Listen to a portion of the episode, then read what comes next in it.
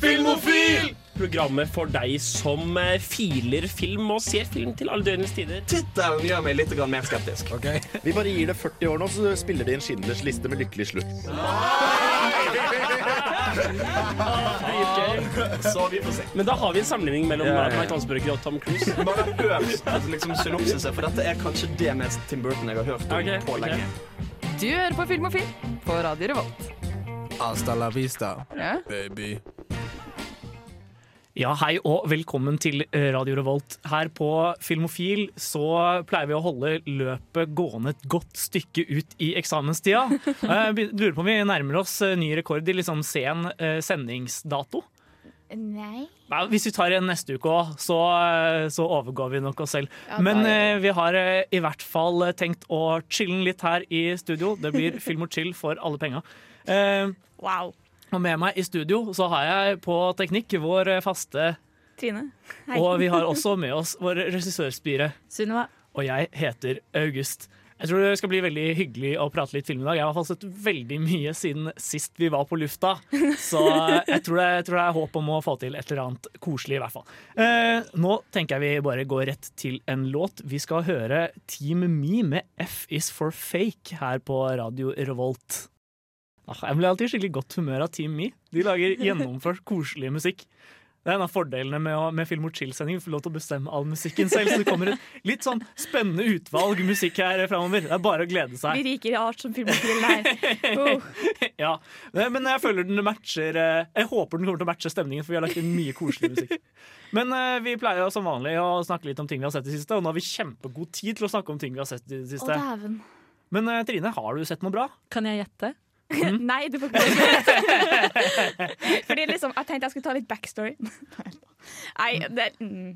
det er jo filmen jeg venta på hele år, da. Som kom i går. Jeg sto jo i billettkø klokka sju om morgenen for å finne um, For å få tak i to billetter. For jeg så den klokka ti i går, og klokka ti på ni i går. Jeg så, jeg så The Last Jedi, hvis ingen har skjønt det ennå. To ganger. To ganger. Jeg trengte dem to ganger. Altså. Fordi den første gangen så um, Jeg grein um, gjennom hele filmen, Det er lenge. tror jeg. To og en halv time satt jeg og grein. Det er, det er sånn man blir dehydrert, det. med, ved siden av en kompis av meg som er like Star Wars-entusiast som meg. Så vi, liksom, vi satt liksom bare og holdt hender og bare sånn Fordi det er liksom um, Det gjør jo fortsatt veldig vondt for meg hver gang jeg ser Carrie Fisher etter hun døde i fjor. For snart et år siden. Faen helvete. Men det, det er jeg så glad for at hun har en veldig god rolle i den nye Star Wars-filmen. For at alt var jo spilt inn før hun døde i det hele tatt. Så det er liksom, hun har en så veld, veldig sånn fin fin rolle i filmen. It's so pretty. And now I wanna cry. Åh, faen. Men, det gjør veldig med den andre visninga, for da grein jeg ikke så mye. Men faen, ass, Ryan Johnson har gjort noe virkelig rett, ass. Ah, fy faen.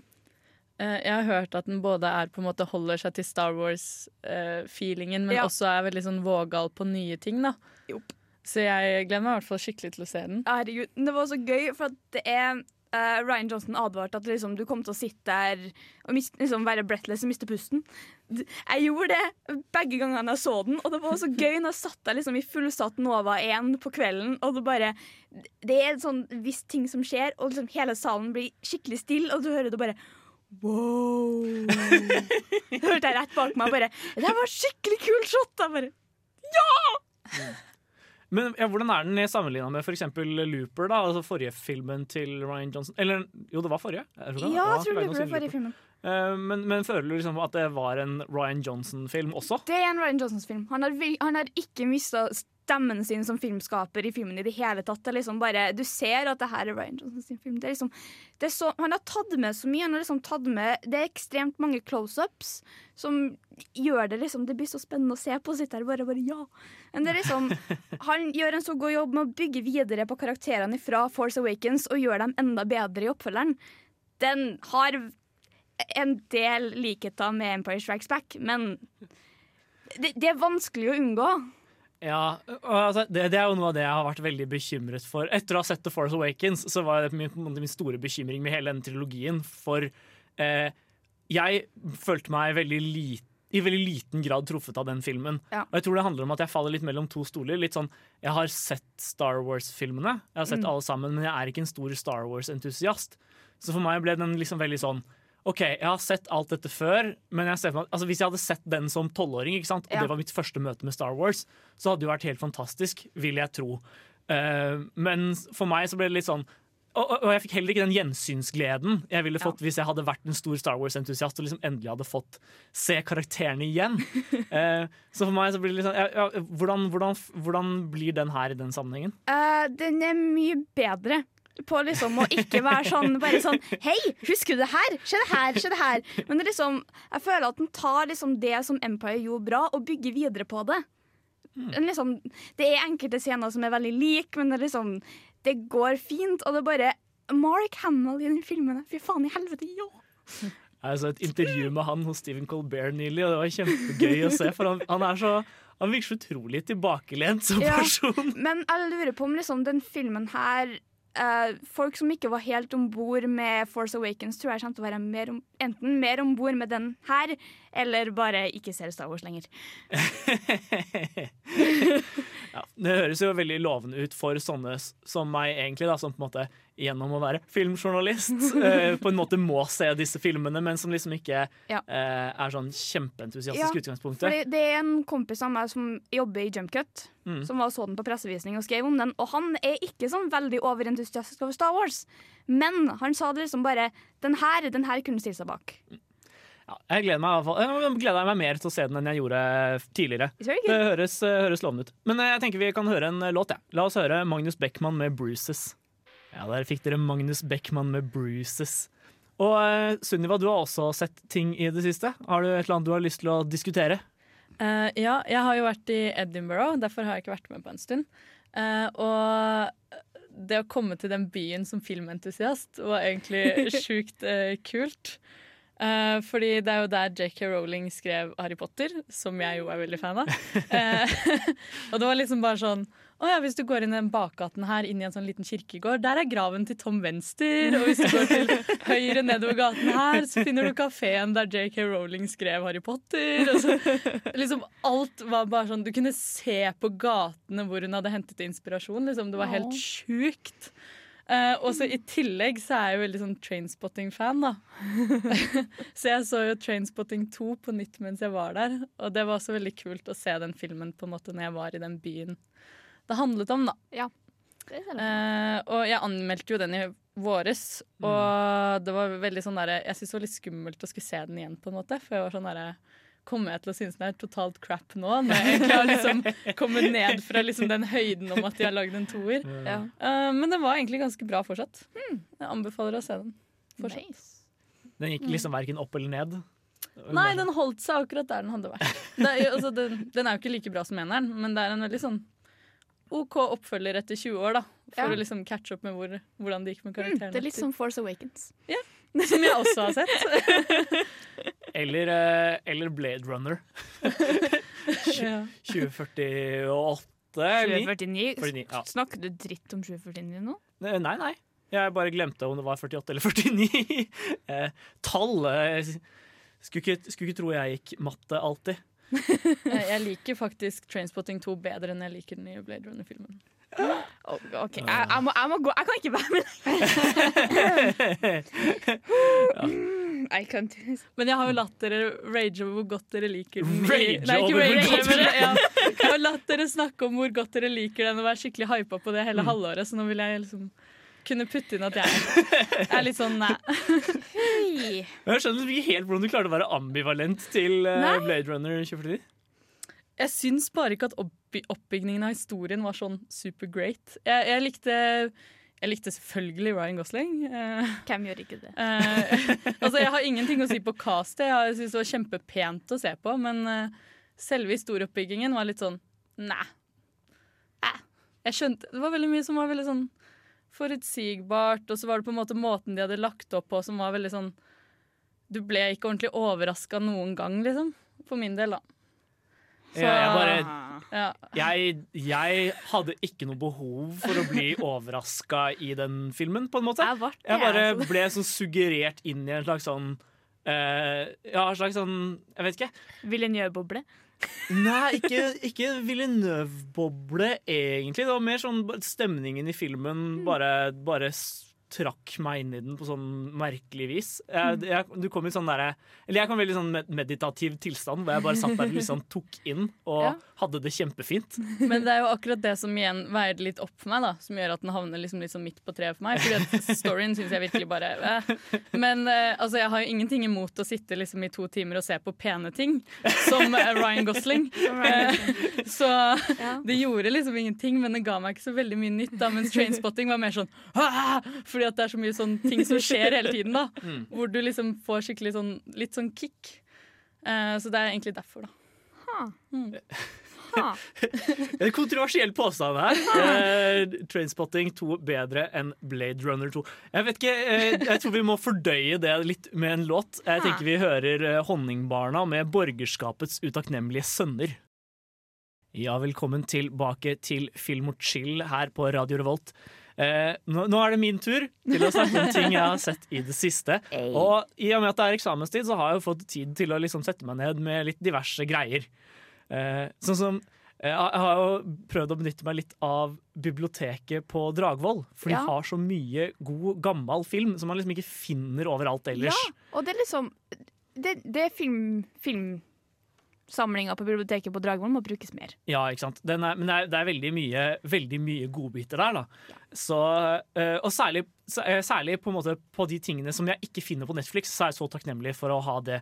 Um, så jeg leide meg tre filmer, okay. men alle var liksom i den der tunge, tunge kategorien. sånn eh, eh, For eksempel en, en von Trier-film. Eh, den har jeg ikke fått sett ennå. Har bare ikke liksom hatt helt energien til å bie meg ut på von Trier. Men i går så satte jeg meg ned med uh, The Passion of Joan of Arc. Oi. Eh, stumfilm fra 1928. Mm. Og det er med god margin den beste stumfilmen jeg har sett Oi. til nå. Eller, den, har- den har litt konkurranse fra uh, Sunrise av uh, Eller av FW Murnau, er det vel han heter. Um, men altså, filmen tar for seg uh, på en måte rettssaken mot Jeanne d'Arc. Og du vet jo på en måte hvordan den historien går. Ja. Det, er ikke så, det er ikke så veldig oppløftende. Nei. Men filmen har gjort det på en utrolig fascinerende måte. Den er filma nesten kun med close-ups. Oh, ja. Og eh, Maria Falconetti, hun som spiller Jeanne d'Arc i den filmen, er jo blitt eh, kjent Altså, det, er- det er mange som snakker om den rolletolkningen som liksom beste skuespillerprestasjon i, i filmhistorien. Oi. Og det skjønner jeg hva folk mener, for hun sitter, altså, hun sitter og, og gråter gjennom nesten hele filmen, men med et, med et uttrykk i ansiktet som bare får deg til å liksom automatisk føler medfølelse med henne, liksom, Åh. fra første bilde. Eh, og også liksom eh, Hele resten av rettssalen er også presentert nesten kun gjennom nærbilder, men ofte liksom eh, ofte sånn tracking shots som går forbi alle dommerne, og du ser alle sitter der med liksom brysk, Alle er liksom eldre menn sitter der med sine bryske bryn og stirrer stygt på henne. Ja. Og du får så utrolig sånn derre Du får så utrolig den følelsen av Lamps for the Slaughter. Da. Det, er, det er virkelig hjerteskjærende å se på. Jeg må bare si jeg gleder meg til vi får video inn her, altså få se når August bare går og bare peker bortover. Eller når vi danser, da. Ja, når vi danser. Jeg har et aktivt kroppsspråk, men, eh, men ja, det er i hvert fall en film som er veldig verdt å se. da. Ja. Eh, men eh, her for litt lenger, eller for et par dager siden, da jeg liksom fortsatt var ganske sliten etter å ha hatt hjemmeeksamen, så hadde jeg ikke, hadde jeg ikke nok, liksom, nok energi til å gå ut på noen av de filmene jeg hadde leid. Men så kom jeg på at i hylla mi så har jeg The Sound of Music. Den har jeg ikke sett ennå. Så jeg har sett The Sound of Music for første gang denne uka. Eh, liksom jobbet meg gjennom klassikerne. og eh, det var liksom perfekte filmen å se hvis man hadde lyst på noe som var veldig lett, men også litt alvorlig samtidig. Ja. Eh, og jeg har, jeg har noen problemer med den. Eh, for eksempel eh, litt sånn klisjé Manic Pixie i Dreamgirl. Hun eh, hva det Maria. heter? Ja, Maria. Men Altså, Når de synger og danser, så liksom Ja, blir de i godt humør, da. ja jeg vet det. Å, den er så Mm. fin. Å, jeg, Jeg har ikke den. sett den ennå. Nei, men eh, det er virkelig imponerende det eksteriørarbeidet de har der. Altså, Ja. det, er av, det er noen av klippene hvor jeg fortsatt sier så tenker sånn Hæ? Hæ? Hvordan, hvordan gjorde de det? Ja. Har de en kjempelang, kjempelang kran? Eller bruker de helikopter, eller hva? Hvordan, hvordan hæ? Uh, Ja. Så det er uh, Ja, det, og det, det er rett og slett en utrolig sjarmerende greie. Ja, Eh, jeg tror Julie Andrews liker å spille sånne barnepiker. Når de gjorde to på rad, liksom, med Mary Poppins og den. Det er jo liksom det hun har blitt mest kjent for uh, av, av, fra hele sin karriere. Ja, Det er det. Det er litt trist å se hva som har skjedd med hennes karriere sånn i det siste. For Hva har hun gjort i det siste, annet enn Princess Diaries? Liksom? Nei, hun var jo med Tooth Fairy, da, for eksempel. Med Den med The Rock. den med The Rock. Oi da. Eh, hun spiller eh, på en måte lederen for alle tann tannfeene. Ja, men så klart hun gjør det. som må liksom eh, hamle opp med The Rock, som ikke oppfører seg ordentlig på tannfetjeneste. Å nei, hva annet da? Eh, det, eh, det er generelt lite, og det lille som er, er ofte ikke sånn veldig høy kvalitet på. Men altså, jeg ser for meg at hun passer til å spille tannfe. da sånn, Ja. hvis, du, hvis du ser på Shrek 2, ikke sant? Det, hun Fairy Godmother. Ja. Ja, jeg forestiller meg at hvis hun skulle vært lagd i real life, så hadde det vært henne som spilte henne. da Ja. Jeg elsker jo i Princess Diaries òg, med Ja. Anne Hathaway. Jeg bare mm, I like you. Jeg synes bare det er litt sånn trist hvis du sammenligner med for eksempel Christopher Plummer, da, som er motspilleren Ja, hennes. ja, jo. Som i en alder av mange og 80 vant sin første Oscar, og liksom fortsatt har en veldig sånn kritisk anerkjent uh, skuespillerkarriere. tar over for Kevin Spacey òg. Ja, ikke sant? Det er litt sånn det, Sammenligningen er egentlig Ah, problemet her. Ikke, ikke det hun har gjort i seg selv. Altså, Ai, okay. hun, hun er jo ikke dårlig i The Tooth Fairy. Det er mer sånn at jeg tror hun har mer potensial til å gjøre større ting. Jo da. Jo da. Eh, Det er så trist å se liksom ubrukt potensial hos eldre kvinner. Men ja, nå tenker jeg vi heller hører en låt. Vi hører Trippy Turtle med Supersong, etterfulgt av en liten pause. Velkommen tilbake til Film og chill. Vi innså alle tre at det er én filmskaper vi har eh, sett film av alle sammen, og det er godeste David Lynch. Ja. Eh, for eh, ja, de har hatt sånn eh, David Lynch-retrospektiv på Cinemateket i det siste. ja. Og Forrige uke. vist eh, en god del av hans filmer. Mm. Eh, så vi i Sunniva, vi var og så Blue Velvet. Hva syns du om den? Eh, den likte jeg skikkelig godt, eh, faktisk. Eh, en av de lynsjene jeg liker best hittil. Eh, det har vært veldig sånn morsomt, fordi som liten så husker jeg at vi hadde den på VS hjemme i hylla. Og så var pappa sånn Åh, om du bare var gammel nok til at jeg kunne vise deg Blue Velvet, liksom. Når du blir stor, så må du se den filmen. Og så har jeg liksom aldri fått sett den filmen. da Den ligger ikke så mye steder på nettet, og Nei. sånne ting Og VHS-spilleren har gått i stykker i mellomtiden. uh, så det var fint å endelig liksom få den med, med meg. da Og jeg er helt enig med pappa at uh, den filmen burde jeg se. Jeg hadde, jeg hadde det forholdet til Pulp Fiction. Det var sånn som alltid sto i DVD-hylla, som jeg aldri fikk lov til å se, men som de sa at jeg måtte se når jeg ble stor nok. Åh. Men, men jeg er også veldig enig. Det var, det var, jeg hadde et veldig positivt gjensyn med den. Jeg hadde lånt den på DVD av onkelen min for sånn lenge siden. Og liksom, det var Nei, nei jeg hadde lånt den på biblioteket på, eh, på Lillehammer. Uh, Høgskolen Lillehammer. Eh, bibliotek, eh, eller filmbibliotek er en sånn eh, Sånn, gjennomgående bottom tema line, her. du lånte DVD-en. Ja. Og man husker å levere de tilbake, da, for det gjør ikke jeg. Og det blir ofte dyrere enn å kjøpe filmen. Uh, ja, det, det er et viktig, en viktig forutsetning. Men uh, jeg, det var veldig positivt å se den opp igjen nå. For forrige gang jeg så den, så så jeg den rett etter at jeg hadde sett Inland Empire. Og var liksom litt sånn Litt i, i, i sånn uh, lynsj Litt lei av lynsj, da. Man blir litt lei av lynsj etter å ha sett Inland Empire. Eh, men eh, det er jo liksom Det er så fascinerende at det er liksom en lynsjfilm det går an å henge med på handlingen i også. Det, det er liksom det, det er bare sånn du flyter med hele veien. Mm. Handlingen selv på et overflatenivå gir noenlunde mening. Og selv, selvfølgelig, den, den har sine lynske sider.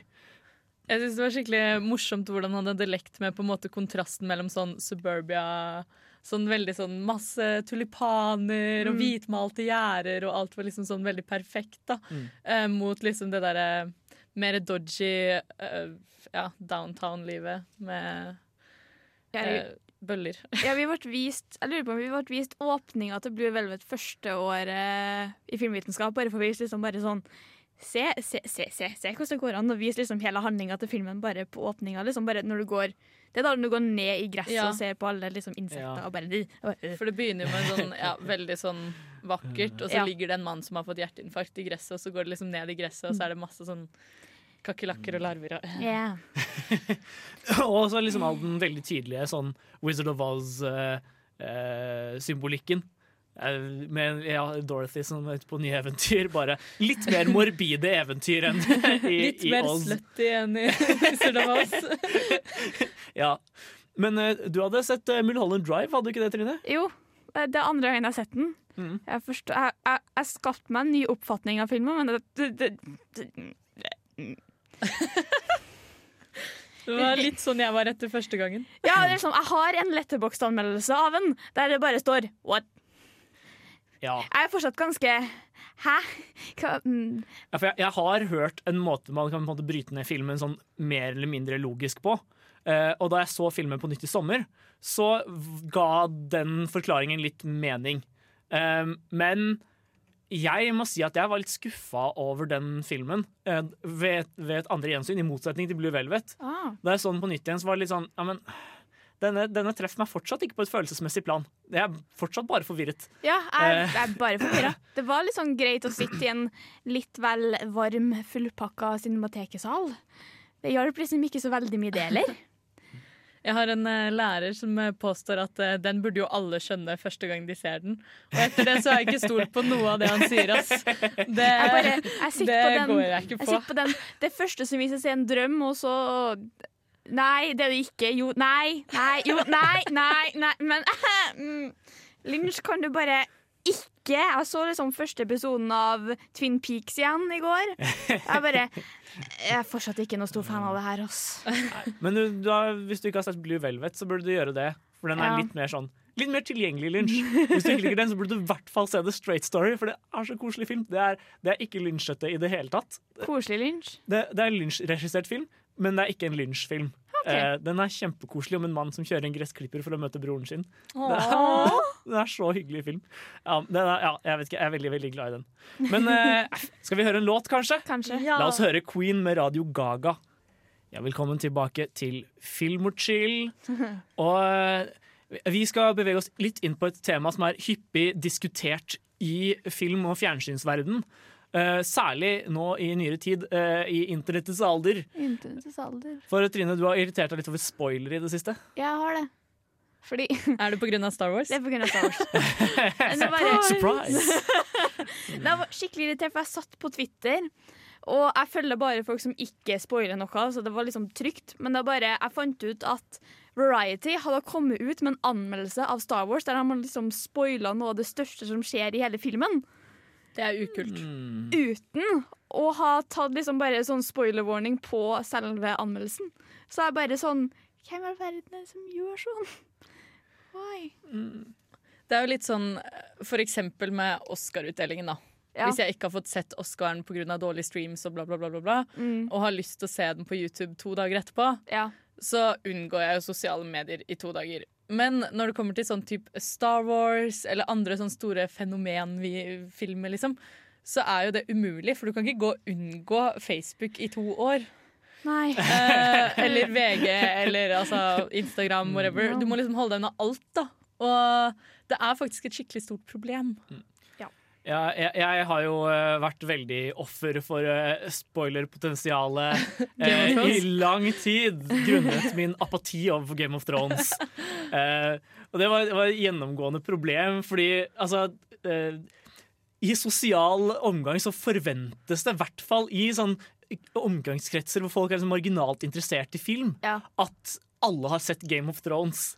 Eh, så når jeg da ikke hadde sett Game of Thrones, så var det liksom helt krise i mange sosiale kontekster. Det sånn Altså, jeg, på et tidspunkt så ga jeg jo opp og ikke få det spoila. Sånn, når jeg hadde eh, gått et helt år etter at sesong fire kom ut, så var det liksom sånn Ja, OK, nå, nå kan jeg ikke forvente at Mm. ingen kommer til å nevne dette i forbifarten.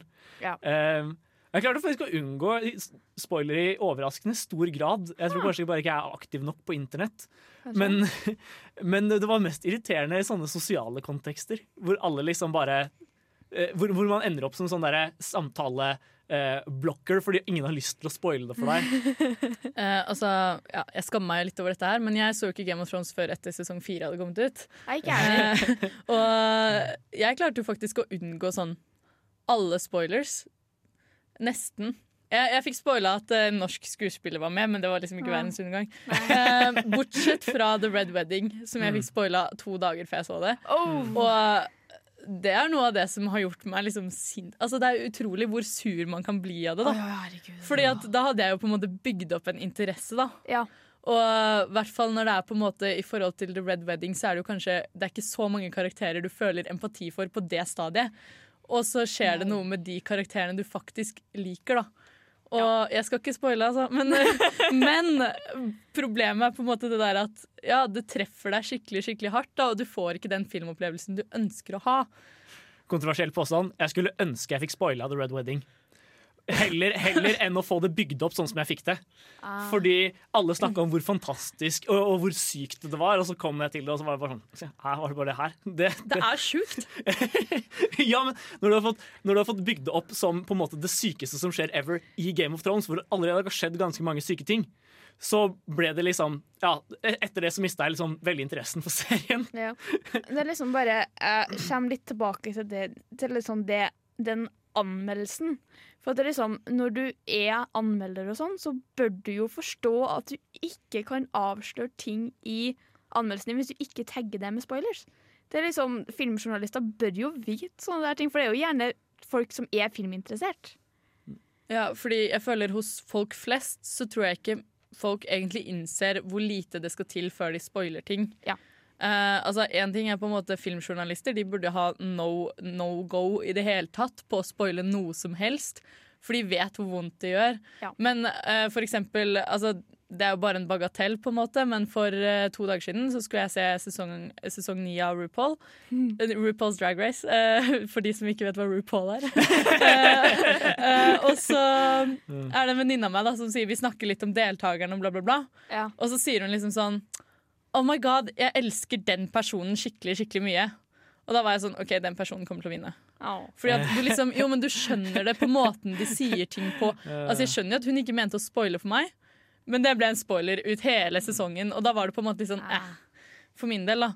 Og det er lurt å tenke litt grann på hva man sier om ting, da. Ja, Rubble Drag Race klarte jo å spoile hvem som vant da, gjennom Twitteren sin, for de endra banneret til liksom vedkommende som vant, og så fjerna han det, og så bare OK, du klarte å spoile det sjøl, ja. Mm. Og tidligere, eller for en måned siden så hadde jo VG også en artikkel om vinneren av sesong syv. Så det er jo ikke den eh, sesongen i dass. Eh, altså Man skulle tro at man var litt safe da når man ser ting på Netflix, liksom, med gamle sesonger, men du er ikke det. You're never safe. Ja, har, jeg vet ikke, har dere sett The Handmaiden? Nei. Jeg har Nei. nettopp kjøpt den, så don't you fucking Nei, for uh, jeg, jeg husker det var en av, mine, en av de første sendingene jeg så eller hørte på Filmofil. Eller så på Jeg husker ikke. I hvert fall var eh, også Maren fra Nerdeprat var med. Ja, du var her og så på, og du satt i et hjørne. Ja, jeg satt i et hjørne og så på. Eh, men i hvert fall.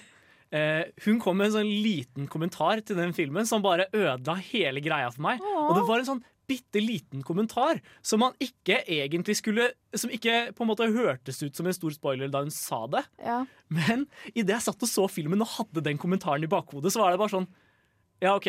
Nå er, nå, er, nå er dramatikken i denne filmen Eller nå er spenningen i denne filmen ødelagt. Men kom ikke den i våres? Jo, men hun hadde, hun hadde sett den på ikke helt lovlig vis, kanskje. Ja, ok. Ja. um, så, så ja. Men eh, sånn går det av og til, da. Det er liksom ikke alltid Alltid lett å vite hvor spoilergrensa går. Men, men. La oss heller høre en Britney Spears-låt. Vi skal høre 'Sometimes' her på Radio Roll. Ja, velkommen tilbake. Her Filmort chiller vi videre. Og vi pleier jo ofte å liksom eh, diskutere litt sånn hvem vi syns er kjekkest eller penest, eller, li- eller ja, den typen ting på Film mot chill. Fordi det er behagelige ting å bare prate litt om sånn, og det er et passe løst tema. Og så er det ting man ikke får tatt opp resten av året. Ja, Nei, det er ikke sant? Hadde en hel sending om bare Hvem er kjekkest? Ja, det hadde vært noe, det. Det er en idé.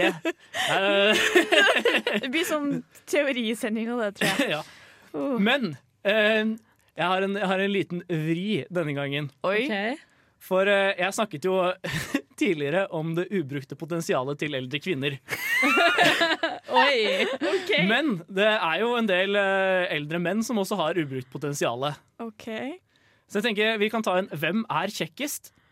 Er det Christopher Plummer eller er det Clint Eastwood? Kan vi få bilde? Eh,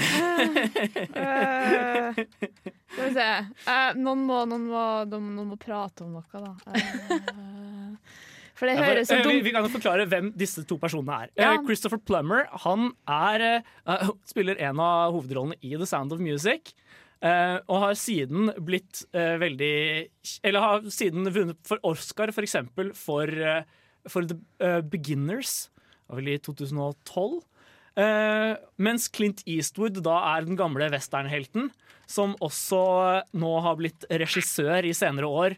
Uh, og laget filmer som Million Dollar Baby og Gran Torino osv. Uh, jeg vil bare poengtere at du har valgt to stykker her som ser veldig sånn Litt sånn grinete eller litt sånn misfornøyd ut. begge to. Jeg får liksom ikke helt sånn Eller altså, det er jo litt barskt, men allikevel. Det er litt sånn derre Det ser ut som det er sånn derre gelé til middag. Eh, Jeg vet ikke helt om jeg vil Vil valgt noen av de. Går, det an til å ta etter hvordan de liksom, så ut når de var yngre? Fordi, fordi da, vil jeg ha, da vil jeg ha Christopher Plummer når han var med i Sound of Music. Men det er jo, det, det gamle ubrukte potensialet vi snakker om. da Jeg tror jeg ville gått for Clint, Clint, eh, Clint Eastwood. Mm. Faktisk, For der er den surheten litt mer sånn barsk, som sagt. Med liksom Ja.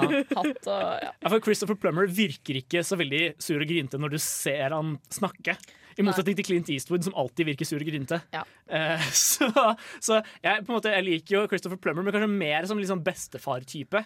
Jeg syns nok kanskje også at Clint Eastwood er hakket kjekkere, sånn egentlig. ja, fordi jeg syns kanskje Clint Eastwood har holdt seg best. Men hvis jeg skulle valgt da de var unge, da, så ville jeg gått den andre veien. Er Har noen av dere noen dere har lyst til å sette opp mot hverandre? Uh, jeg lurer litt på hvem av Kardashian-søstrene dere ville valgt. jeg. Ah, shit, men Jeg husker jo ikke hva noen av de heter, bortsett fra Kim. Ingen av dem. Eh, hæ? Syns du ingen av Kardashian-søsknene er pene? Nei. Sær? Da, det syns jeg er litt sånn Jeg synes det, er, det er vågalt eh, å komme med. Nei, men de, de ser for alien ut, liksom. Det er noe der Kendal også. Kendal ser jo veldig, veldig eh, naturlig Alien. real xenomorph, rett og slett. Ja, men det, er liksom, det, det, kommer, det kommer til et punkt når For meg er liksom bare Jeg ser at de er pene, men de blir, det, det ser liksom for bra ut til at det faktisk er sant. Så jeg er bare sånn Ingen av dem. Men, eh, men ja, eh, jeg, jeg kan nok Jeg, jeg ville nok gått for eh, Kendal, faktisk. Fordi det er noe med Altså eh, for det, for det første, Jeg har ikke et nært forhold til The Kardashians, så jeg husker jo knapt, så, så, som jeg nevnt, knapt navnet på dem.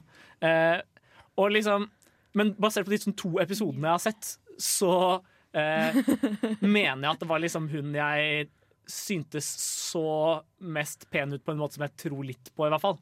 Hun har jo veldig det der eh, modellutseendet, men samtidig så er hun så sykt sånn Jeg vet ikke, Hun virker så normal i forhold til de andre. da Ja, for det er sånn, som- sånn som Kim Kardashian er jo på en måte pen, men det er liksom ja, det, er, det er som Trine sier, det er et eller annet som ikke stemmer der. Eh, Ja, rumpa, for eksempel. Eh, det er der grensen går for meg da, når det kommer til Kim. Jeg tror det er ganske mye som ikke stemmer. Det er ganske mye som ikke stemmer. Så det er i hvert fall tydelig at ingen av oss drømmer om å se ut som uh, The Kardashians. And on that note så tenker jeg vi hører I've Got a Dream fra Tangled. Ja, apropos Disney-prinsesser, så tenker jeg vi kan gå rett videre til en diskusjon om hvem som er penest Oi. av Eh, jeg, jeg, Vi går for Anna og Elsa, jeg, kanskje, rett og slett. Oh. Ah, det er kjipt å ta søstre, da. Vi De er sånn, ganske forskjellige i utseende. jeg ventet på at du skulle si av alle, så jeg Av skulle være sånn alle! Moana! Men, uh, hvorfor ikke bare ta alle i stedet for? Ikke, oh. som ikke Nei, men så det blir mange mye- muligheter. Ja, det blir så mye mindre dilemma hvis man ikke velger to, da. Men vi kan jo alle presentere den vi syns er penest, da. Det er kanskje lettere. For du, har, du er på Moana. Eh, Nå er jo det den jeg har sett sist, da. Men jeg ble veldig veldig sjarmert av Moana. Ja. Eh, og hun i Tangled, for så vidt. Jeg tror Å, de to ganske, står ganske likt hos meg, av de nye i hvert fall. Ja. Hvis jeg ikke skal se på de gamle gamle, eh, Ja. så blir det de to. ja. Og de gamle gamle, så er det kanskje uh, Tornerose? Hmm. Ja, for, eh, hvordan, hvordan, hvordan teller vi Ariel her, for eksempel? Eh, jo, jeg syns Ariel alltid var veldig pen som liten. Jeg skulle alltid ønske at jeg hadde den der panneluggen hennes som gikk i sånn stor bue. Og jeg prøvde liksom å lage det, og det gikk aldri. Og jeg bare satt i tårer på badet. Ja. Fikk bare aldri til den panneluggen. Ja, men mer sånn, Hvordan teller hun inn i Disney-prinsesse Canon fordi hun på en måte teknisk sett er en havfrue? Hun er sånn? Ja, hun er en Disney-prinsesse. Disney-prinsesse, men, eh, men hun gjelder fortsatt som de gamle. Ja. Ja. Fra de nye så tenker jeg de som har store øyne. Ja, ja 3D, 3D-animasjon, Ja, ja, ja, liksom. men Ja. det, det skillet der med at de faktisk får Så store selv, øyne. selv prinsessen og frosken er er, ny. gammel, er, er ny? Har hun store øyne? Hun har litt store Hun øyne. har litt store øyne. Okay. Um, men, eh, men ja, nei, jeg vet ikke. Jeg, så liker jo Jeg liker jo eh, Anna litt, da. Må jeg Ja. si. Jeg liker fregner. Sånn helnorske fletter og bunad og Ja, men altså ja, jeg, jeg har ikke sett Moana ennå, da, så jeg kan jo ikke Å, hun er nydelig. Fy Ja. faen. ja, men det, det er noe med at jeg liksom ikke har helt kontroll på hvordan mimikken der er. og sånn som, Ah, eh, eller, Og jeg kjenner karakteren godt nok til å uttale meg. Uh, Ja, for dette går ikke bare på utseendet. nei, det, Nei, eller eh, samme utseende i to forskjellige karakterer kan ha veldig mye å si for hvor godt man liker utseendet deres. Ja. Uh, Ja. så, så ja. Jeg, jeg, jeg skal vente litt med å uttale meg om den. Hmm. Men det, ryktes at eh, Eller folk liker den, Ja. har jeg inntrykk av. Ja. Eh, så så jeg, jeg, jeg, skal ikke, jeg skal ikke helt uh, utelukke at, det er, at jeg kanskje liker Mona best, jeg heller. Men, men av, de, av de eldre så syns jeg både ja, eh, både Ariel og, og Bell Ja, er veldig jeg, vakre. jeg, er på, jeg er på Bell. Det virker så klisjé å liksom ta, liksom, ta Bell, men Bell. Jeg, syns det er Fordi klisjé med Tornerose. Alle er klisjé uansett, så det er bare å Men, men, men kan vi snu det litt og gå på Disney-prinsene i stedet for? Kan vi ikke heller gå på Disney-heksene? Fordi det syns jeg er dritartig. Ah, Jeg jeg ville snakke mer om Flynn Rider siden I Got a Dream. Oh, ja, vi kan godt snakke om prinsene òg, de er ganske kjekke. det, dette ble en rotete samtale. Men ja, jeg er enig i at Flynn Rider er kjekk. Den er veldig kjekk. Jeg tror, jeg tror Til meg så har det noe med at det er Zachary Levi som har stemmen til han, og jeg er veldig veldig forelska i Zachary Levi. Selv om jeg vet at han er veldig lykkelig gift. Faen. og, Det er som og, regel litt, sånn. og litt for gammel for meg. For det må jo sies, de gamle prinsene de ser ofte veldig uinteressante ut. Ja, Jeg, eh, jeg som liten hadde ganske crush på han i Tornerose der òg, ass. Eh, Philip, som han heter. Men det der, han hadde så fin holdning, liksom. han hadde det. Men Jeg har aldri vært hørt noen bli forelska i holdningen til en person. hadde jeg en gutt i klassen min på barneskolen som het Philip og ligna litt. Da, syns jeg, i hvert fall, som barn. Men man Ja. kan jo si at liksom, prins Erik fra Den lille havfruen, han òg er ganske Ja, han var også et stort crush som liten. Ass. De kom begge to etter Elliot i IT, riktignok, men ja, ja, så klart. Herregud. hallo. Det var liksom, når jeg tenker gjennom de øvrige prinsene, så er det liksom ikke så mange som er sånn veldig minneverdige. Aladdin, er jo da. Han går jo halvna. Men Det gjør jo Er Erik i lille havfruen også. Har yep. jo skjorten nedpå. Altså, han ser ut som han har sånn skjorte fra 80-tallet. Den går helt Men jeg syns det, det er litt vanskelig å liksom snakke om hvor pene eh, de eh, i eh, både både Ariel, men også de i Aladdin her, siden de på en måte gitt til at i historiene sine er så utrolig unge. Det er liksom litt ukomfortabelt. Ja, og prinsessene er så mye eldre. Det- det- de, men jeg er mindre tydelig aldersbestemt enn det de, eh, enn det de var på tidlig 90-tall, slash sent 80-tall. Eh, så, så ja, det, det blir problematisk uansett. Og de nye, da? Hmm? Hvem var da de nye? Du sa Tangled? Ja ja, herregud, Flynn. Ja, men Hvem andre av de nye har vi egentlig?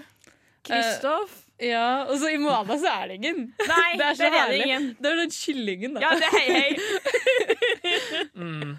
Ja, helt klart Flynn Rider. Ja, ok, ja, det får bli det for meg, da. Ah, Flynn Rider. Da er vi enige om noe her i film. Ja. Ja. Man kan få Filmofils seal of approval. Ja, skal vi gjøre det? Ja. Filmofil seal of approval. Til Flynn Rider, altså. Er Flynn Rider. Ja. Men la oss heller høre låt. Nå skal vi ha to låter etter hverandre. Vi skal først høre Kaizers Orkestra med 'Apokalypse meg', etterfulgt av nummer fire med 'Fuck Lunch'. Og hei og velkommen tilbake. Eh, her på Filmofil, eller Film og Chill så snakker vi fortsatt om eh, folk og fe vi syns er pene. Og eh, så vi, vi, vi forrige Eller ja, før, før låten så snakket vi om eh, Disney-karakterer vi, eh, vi likte looksene på. Nei, nei, prinsesser og prinser, da. De var Ja. på det. Men uh, vi tenkte uh, vi tenkte La oss bygge videre på det og snakke litt om hvilke av de animerte dyrene til Disney vi syns er kjekkest slash penest. Og Sunniva, du kan få begynne. Det er så mange! Så mange. Jeg har noen toppfavoritter, da. Uh, første er jo eh, Robin Hood. Å ja! Som jo Altså, det går ikke an å si at han ikke er kjekk. Prinsesse Marion i filmen Ja, her er jo nydelig. Jeg skulle ønske jeg så ut som henne, jeg. Selv om Ja. hun så ut som en rev. Ja, den, ja. Um, så det er vel toppen av eh, kjekkhet, da. Ja, Robin Hood I dyreverden. Uh, for min del. Uh, men jeg syns også George O'Malley Nei, jeg mener Thomas O'Malley i um. Aristokattene var veldig sjarmerende som liten. Mm. Uh, ja. Personlig så er det Jeg, jeg, jeg holder en knapp på, på Judy Hopps fra Zootopia. Altså. Ja, Veldig enig i den. Er en utrolig pen kanin. utrolig pen kanin. Reven er ikke så ille, han heller, da. Nå trodde jeg du sa ræven som i rumpa, liksom. Og så var jeg litt sånn Ja, du sier noe. Men eh, i hvert fall Zootopia har, har jo en del, liksom. Ja. Jeg, jeg synes de, de, har, de, har, de, har, go- de har vært gode på karakterdesign i den, uh, i den filmen. Ja. Alle karakterene ser litt sånn ut som du forventer at en person med den personligheten skal se ut. Den reven i Zootopia ligner jo også litt grann på Robin Hood, som du kan se litt likhets... Og så vet at det er Jason Bateman som har stemmen til en, så liksom bare, jeg ser litt Jason Bateman, og jeg bare ja. Jeg ikke mm, mm. Dyr. Trine, har du noen dyr du har hatt crush på opp gjennom åra? Jeg hadde veldig kurs på Kobi fra Løvenes konge 2, husker jeg. Og Simba. Men jeg lurer på om det Ikke var Timon, da. Nei, ikke. Kovu er litt mer sånn bad boy, da. Det er litt sånn Så, bad boy. Men jeg lurer på om det var Simba pga. at det var Håvard Bakke som hadde stemmen til Simba, og jeg bare jeg elsker den stemmen. Så det er Men sånne liksom, ting hjelper veldig ofte. Ja, hvem som har stemmene, altså. Sånn, jeg vet ikke, sånn For eksempel Kurt ble grusom. Eh. I den filmen. Jeg likte Kurt 10 000 ganger bedre fordi det var Atle Antonsen. En annen ting er å se Istid på engelsk. Og innser at liksom, det er ikke alle ting som skal dubbes. Eller det, er- det, er, det er enkelte ting som skal, som skal dubbes, uh, var det jeg prøvde å si. Uh, det er ikke alle ting som skal ses på originalspråk. For Nei, akkurat- fordi Sid. ja, ja. Men også Manfred, eller Manny, Ja, er vel, en veldig annen karakter. Otto Jespersen har jo lagt inn ganske mye, da. I, oh, I love it. Ja, men det er noe med den der dype, rumlende stemmen hans som er Ja. så utrolig mammutete. Hvis det er et Ray Romano er ikke mammut nok for deg. hashtag not my mammoth. Apropos han uh, sabeltigeren er også ganske sånn bad boy, da. Ja, ja men jeg, jeg har et sånn vagt minne av bare sånn hm, Den er en kjekk, hm, det er en- det var veldig liten. Eh, jeg, bare, jeg vil bare si at vi, vi, støtter, vi støtter ikke bestiality i Filmofil. Okay? Vi bare liker animerte dyr. Men de er veldig antropomorfiserte, alle Ja. disse dyrene vi snakker om. Det er veldig sant. Det, det, det er jo ikke sånn at vi eh, tar for oss Jeg vet ikke, jeg. Eh, Shaun the Sheep. de, sauene er også veldig antropomorfiserte. Men det er, sånn, det er ikke sånn at vi tar for oss hesten til, eh, til uh, han eh, prinsen i Tornerose. Som på en måte er veldig en hest. Dette er alle de dyrene som faktisk er veldig mennesker. Ja, ja. Det ville også vært veldig rart å velge eksempel Maximus fra Tangled. Ja. Eller Pascal. Pascal, den lille, den lille kameleonen hennes. Åh, den er søt. Fordi, men ikke sant, de har begge litt funksjoner som, som dyr i Ja, ja. historien. Og der blir det på en måte rart å snakke om hvor kjekke de er. Mens ja, si, si alle dyrene i Zootopia da, fungerer Ja. jo ikke som dyr i historien. Nei, det er sant. Eh, jeg føler det er et viktig poeng i Ja, ja. denne veldig veldig merkelige samtalen. Ja, det var derfor jeg ville, jeg ville bare påpeke det, for jeg ville ikke stemple som en gærning. Nei, Hvem vi- har ikke crusha på Robin Hood, da? Ja, herregud. Det er litt det samme som hvem ikke som har crusha på Ryan Gosling, liksom. Øh, ja, ja. Nei, jeg tenker vi, vi må bare ta en låt, skal vi heller starte samtalen fra scratch etterpå. La oss høre Queen med, Bice, nei, med Bicycle Race. Ja, velkommen tilbake til Filmofil. Og vi har faktisk litt sånn nyheter vi har lyst til å ta opp sånn på tampen. Dæven. Ja. Vi, eh, for Golden Globes-nominasjonene har jo kommet. Ja. Kan jeg, kan jeg ta én med en gang? For at det liksom, Jeg holdt på å krepere når jeg liksom så hva som har blitt nominert for beste komedie slash musikal. Jeg vet. Get Out! Å ja, ja, det også, da. Jeg trodde Jeg bare, Get Out er nominert i komedie slash musikalsjangeren! For de som ikke vet det, da er det uh, den kjempestore horror-thriller uh, om, ras, eh, om rasismefilmen som Ja. kom i våres. Eh, jeg trodde du skulle si The Disaster Artist, som også er nominert. Ja, men det, det, det, det hører til der. Get Ja, Out, fordi- derimot, doesn't belong there. Jeg hadde litt glemt det med Get Out. Det er jo selvfølgelig helt på trynet. Uh, enig i det.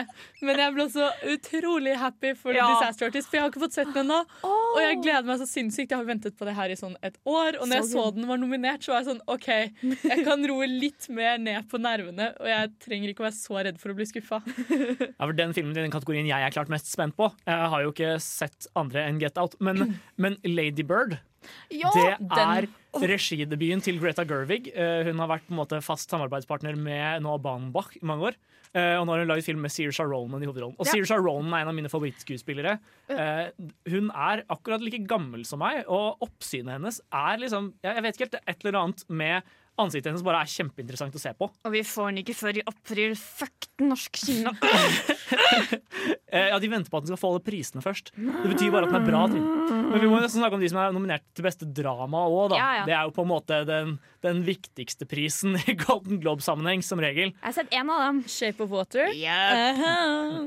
Nei, for jeg har også bare sett én av de, eh, men det er Dunkirk. Dunkirk. Eh, og altså, jeg har, basert på det utvalget som er nå, så må jeg jo liksom holde en liten knapp på Dunkirk. Jeg tror den har eh, potensialet til å dra hjem en del priser, fordi den er på en måte en sånn blockbuster av den gode, gamle typen. da. Nå er det jo ikke i tvil om at Shape of Water kommer til å dra hjem et eller annet, i hvert fall. Fordi Eh, den har jo blitt nominert til flest. Ja, Sally, Sally Hawkins, det er det hun heter. sant? Ja. Hun er jo nominert for beste kvinnelige rolle i en dramafilm. Å, fy faen, ass. Ja. Jeg vil at hun skal Just let her win. Ja, For helt liksom, hun spiller en stum Stum? Jo, stum person som bare Åh, shit. Eh, jeg har også skikkelig lyst til at vi tar opp uh, i forhold til uh, beste kvinnelige hovedrolle og birolle i uh, drama-TV-serie. Da må du være effektiv. Eh, OK, sorry. Eh, jo, fordi at eh, de, For de som har sett Big Little Lies, så er jo alle de fire hovedkvinnene Oi. nominert. Reece Witherspoon og Kate Blanchett i beste kvinnelige hovedrolle. Og Shiley Woodley og hun fra Jurassic Park eh, som beste kvinnelige birolle. Oh, men eh, kan jeg komme med et lite forslag? Mm. Om at vi eh, fortsetter praten om Golden Globes etterpå? Ja. Det høres ikke ut som tidenes dårligste idé. Nei? La oss, la oss gjøre det på den måten, så får vi tatt diskusjonen på, et, på ordentlig vis. Ja. Det er så surt hver gang man må ta det halvveis. Ja, ikke sant? Og Big Little Lies kommer også med en sesong to. Ja, ja, da, da er det verdt å snakke om, da, i hvert fall. Men, men nå skal vi høre Led Zeppelin med Black Dog etterfulgt av pause. Hei, dette er Nikolai Kleve Broch. Eh, Jeg vil bare si, hør på Filmofil, så får du med deg mye bra stoff om film. Ja, hør på Filmor Chill òg, da. Please. Men eh, før eh, vi hørte på Led Zeppelin, så snakka vi om eh, Golden Globe-nominasjonene og fikk litt dårlig tid, så her får dere mer om Golden Globe-nominasjonene. For Sunniva, du ble ikke helt ferdig med poenget ditt. Nei, det jeg holdt på å si, var at eh, i beste kvinnelige drama-TV-serie Ja. så uh, var det så mange nominerte som jeg likte, at jeg vet egentlig ikke hvem jeg vil at skal vinne i år. For vanligvis er det sånn, jeg ser på nominasjonene, og så er det liksom én tydelig klar som jeg tenker åh, du burde vinne. Men i år så er det både Big Little Lies, som jeg jo har satt skikkelig pris på, som en miniserie fra HBO, Ja. som de har bestemt seg for å komme en andre sesong av. Og i tillegg så er det The Crown. Ai, ja. Ah, det er altfor mange, fordi The Crown er jo nominert i både beste kvinnelige hovedrolle og birolle, samme som Big Little Lies her. Og jeg, jeg syns det er så mange bra i år, da. Det er så utrolig mange gode skuespillerinner. Ja, på TV-seriefronten er som vanlig lite å bidra med. Jeg syns det er gøy at David Harbour er nominert for Stranger Things. jeg. I like that. I like Stranger Things. Jeg syns det hadde vært hyggelig hvis Game of Thrones vant et eller annet, siden jeg tross alt har sett det. Men de har jo vunnet så mange ganger før. De er bare nominert til én ting i år, faktisk. Ja, det ble jeg litt overrasket over. Eh, kan vi snakke litt om den animerte. Filmkategorien, please? For Det liksom- kan vi godt gjøre. For at jeg skjønner at Coco er der, og den nye Pixar-filmen, Mm. og Loving Winston', som er liksom eh, Det er en film som har blitt malt over, som handler om Winston van Gogh. Og så plutselig så har du The Boss Baby. Ja, Det er et typisk problem i de kategoriene hvor man har et fast antall nominerte, men det er litt på en måte små kategorier, som beste animasjonsfilm. For eh, ja, du har sett det på, på Oscarene, at de ofte kun har tre nominerte til Ja. beste, beste helaftens animasjonsfilm og sånn. Og det er jo fordi det veldig ofte er litt sånn mangel på, på gode animasjonsfilmer. Men eh, akkurat The Boss Baby, ass, der går grensa. Eh, på Oscar-nominasjonen så har de liksom holdt av én til Pixar, én til Dreamworks og én til eh, Disney, føler jeg. da Så der eh, går det jo liksom litt for snevert igjen. Da får du liksom ingen av de nye, nye studioene, kanskje. Men Eller noen- mindre studioene. da Men noen ganger har de hatt ganske interessante lineups i beste animasjonsfilmkategorien. Sånn som ja, Song of the Sea Ja, var nominert. Ja. Uh, the Wind Rises var nominert det året. Kubo and the Two Strings, på tross av hvor mainstream den ble på en måte. Så ja, jeg, jeg syns det var trist at den ikke vant det, da. Okay, Jeg sitter og ser gjennom liksom andre ting som har kommet i 2017, og det er liksom ne. Hmm. Nei. Den uh, The Breadwinner det ser jo også ganske interessant, interessant ut, da. Ja. Det er en, eh, en uh, film om en afghansk jente som ja, kler seg ut som en gutt for å få lov til å liksom, jobbe for familien sin. Uh, og det er, sånn, et sånt tema som er veldig interessant i utgangspunktet. Og hvor det egentlig er mest spennende å se om de hadde penger nok til å gjøre filmen interessant. Det er litt fint når det er animasjonsfilmer som også er litt sånn voksne, på en måte. Sånn, jo, men for eksempel Loving Vincent. da Ja. Det er jo ikke en barnefilm, selv om det er animasjonssjangeren. Og den her også høres ut som den tar opp et litt mer voksent tema, kanskje. da Og jeg syns alltid det er litt interessant hvordan de bruker animasjon for voksne. da ja. Jeg, jeg syns jo voksenanimasjon veldig ofte blir eh, undervurdert veldig av f.eks. Oscar-akademiet. Ja. Ta eksempel Vals med Bashir, da, som jeg snakka mye om dette semesteret, for jeg skrev oppgave om den. Men eh, den ble jo nominert til Oscar for beste ikke-engelskspråklige film. Men den ble ikke nominert til Oscar for beste anima animerte, helaftens animerte film. Huh. Eh, og det syns jeg er sånn helt merkelig avgjørelse. For det er virkelig en animasjonsfilm jeg setter veldig stor pris på i kraft av å være animasjonsfilm, da, ikke bare Men det føler jeg også igjen faller litt tilbake på liksom sånn Oscar-akademiet. De putter alt som ikke er engelskspråklig, inn i ikke- ikke-engelskspråklig, og da er, liksom, da er det borte. Ja, ikke sant. Det er, det er kjipt, det der. Ja, ja. Men eh, ja. av og til så har de noen unntak, og det er jo håp for Vincent i denne sammenhengen. Men ja, la oss høre The Presno med Mr. Big her på Radio Revolt. Ja, they call, they call him Mr. Big, but it's not like that. Um, Wow. Men, eh, men eh, nå begynner han virkelig å nærme seg juletider. Jeg. Nei, jeg er stressa for julegaver. Ja, Det er ikke sånn at du hater jula. Nei. Nei, det var jeg, godt å jeg er litt cringe. Men jula er en slitt tid for studenter. Ja. Ja, eh, særlig adventstida har liksom ikke helt samme sjarmen lenger som Nei. den pleide å ha. Eksamen. Selv om jeg var ferdig i niende, da, så det er liksom bare, jeg hadde juleferie. Og så skal man ha råd til billett hjem og julegaver. Kan de ikke ta én av tingene? Det er liksom? greit liksom, når du bor i Når når du er fra byen du studerer i. Det er ganske greit. Jeg har siste eksamen 21. Blir ikke mye juleshopping på meg. Eh, Men, men. Men eh, ja, det er jo på tide med litt sånn julefilmer og jule, julemedia generelt. Jul, jul, jul. Jul, jul, jul. Og du hadde noe du hadde lyst til å ta opp i den sammenheng, Sunniva?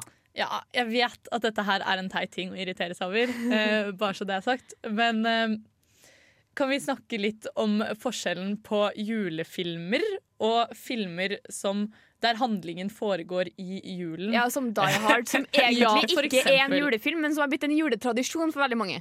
Eh, fordi det irriterer meg stadig vekk, liksom, det skillet der. Hvordan, altså, dette kommer sikkert ut til å bli sur over Trine, men eh, før i dag så ble det påstått eh, hjemme hos meg i mitt kollektiv at alle Star Wars-filmene var julefilmer, så vi burde heller se de enn Love Actually. Og da var jeg litt sånn Vent litt, alle Star Wars-filmene er julefilmer? Hva i all- verden? Kom, Ja. Hæ? For, for hva er det du definerer som en julefilm? For meg så er julefilm en film der julen faktisk har en sammenheng i filmen, da. Der det ikke bare er et backdrop, liksom? Ja, hvor de, altså sånn i Die Hard. Ok, Det er en julefest på jobben, og så kommer det masse eksplosjoner og bla, bla, bla. Ja. Det betyr ikke at Altså, det kunne like godt vært liksom en eh, jeg vet ikke, nyttårsfest eller en bursdagsfest for sjefen, eller whatever. Det hadde ikke hatt noe å si for historien, da.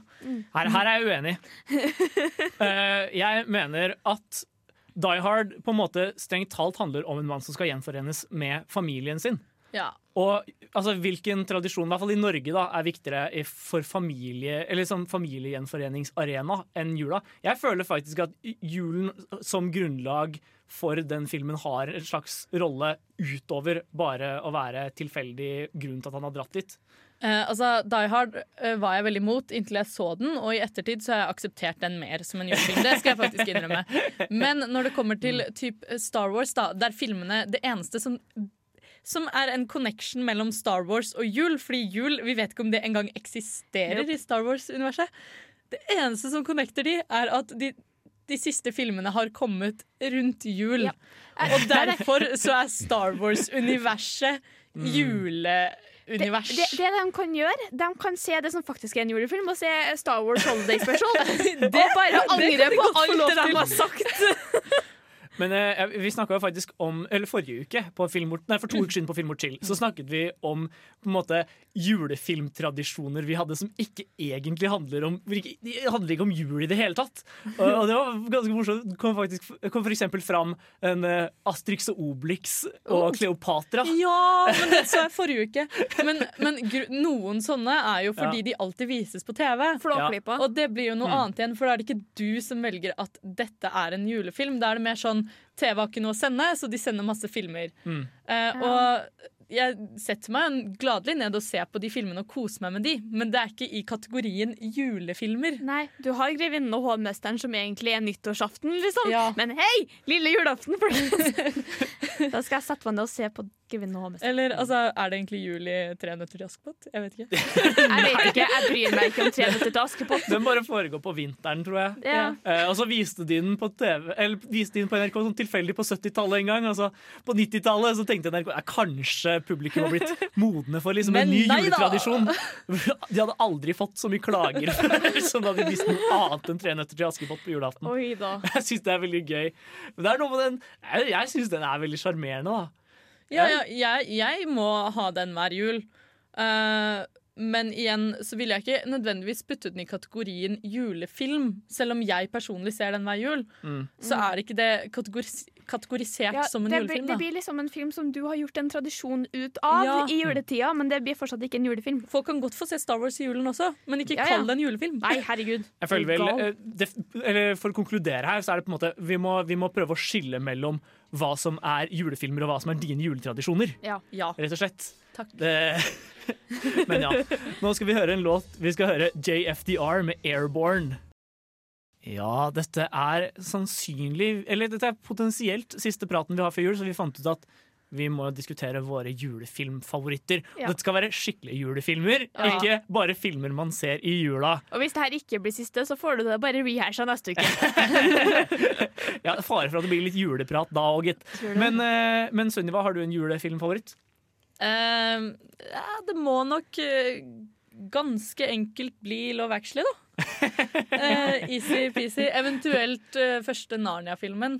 Der er jo julenissen med, og sånn, så jeg føler den går Ja. litt inn i kategorien, selv om den er litt sånn halvveis. da Ja, Bare ja, med krig. jeg, vil, jeg, vil, jeg vil ikke plassere Narnia i, i julefilmkategorien. Selv om nissen kommer innom, så er den liksom ikke Den Nei, handler men, ikke om eh, jul. Og så er den, den er litt sånn Den er så lenge siden jeg har sett sånn, så jeg føler ikke helt den er verdig å være min kandidat. Men Love Actually er 100 det. Den har jeg sett hvert år siden jeg var eh, sikkert ti.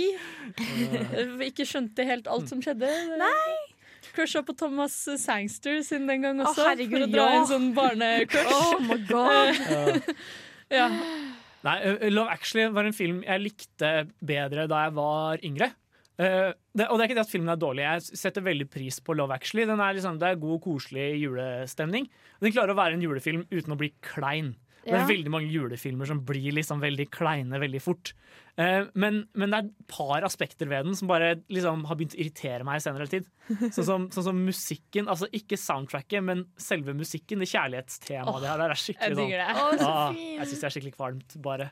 Det har jo blitt sagt på Filmofil før, men eh, gode romantiske komedier de kommer så sjelden at man må sette pris på de som kommer, og Love Actually er virkelig en av de. That's Nei, min, eh, en av mine julefavoritter er nok faktisk A Very Merry Christmas.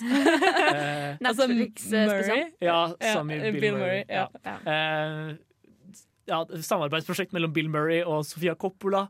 eh, som handler om at Bill Murray skal stelle i stand et eh, sånn juleshow. Og så er det ingen av kjendisgjestene som kommer fordi det har vært snøstorm. Og så Åh.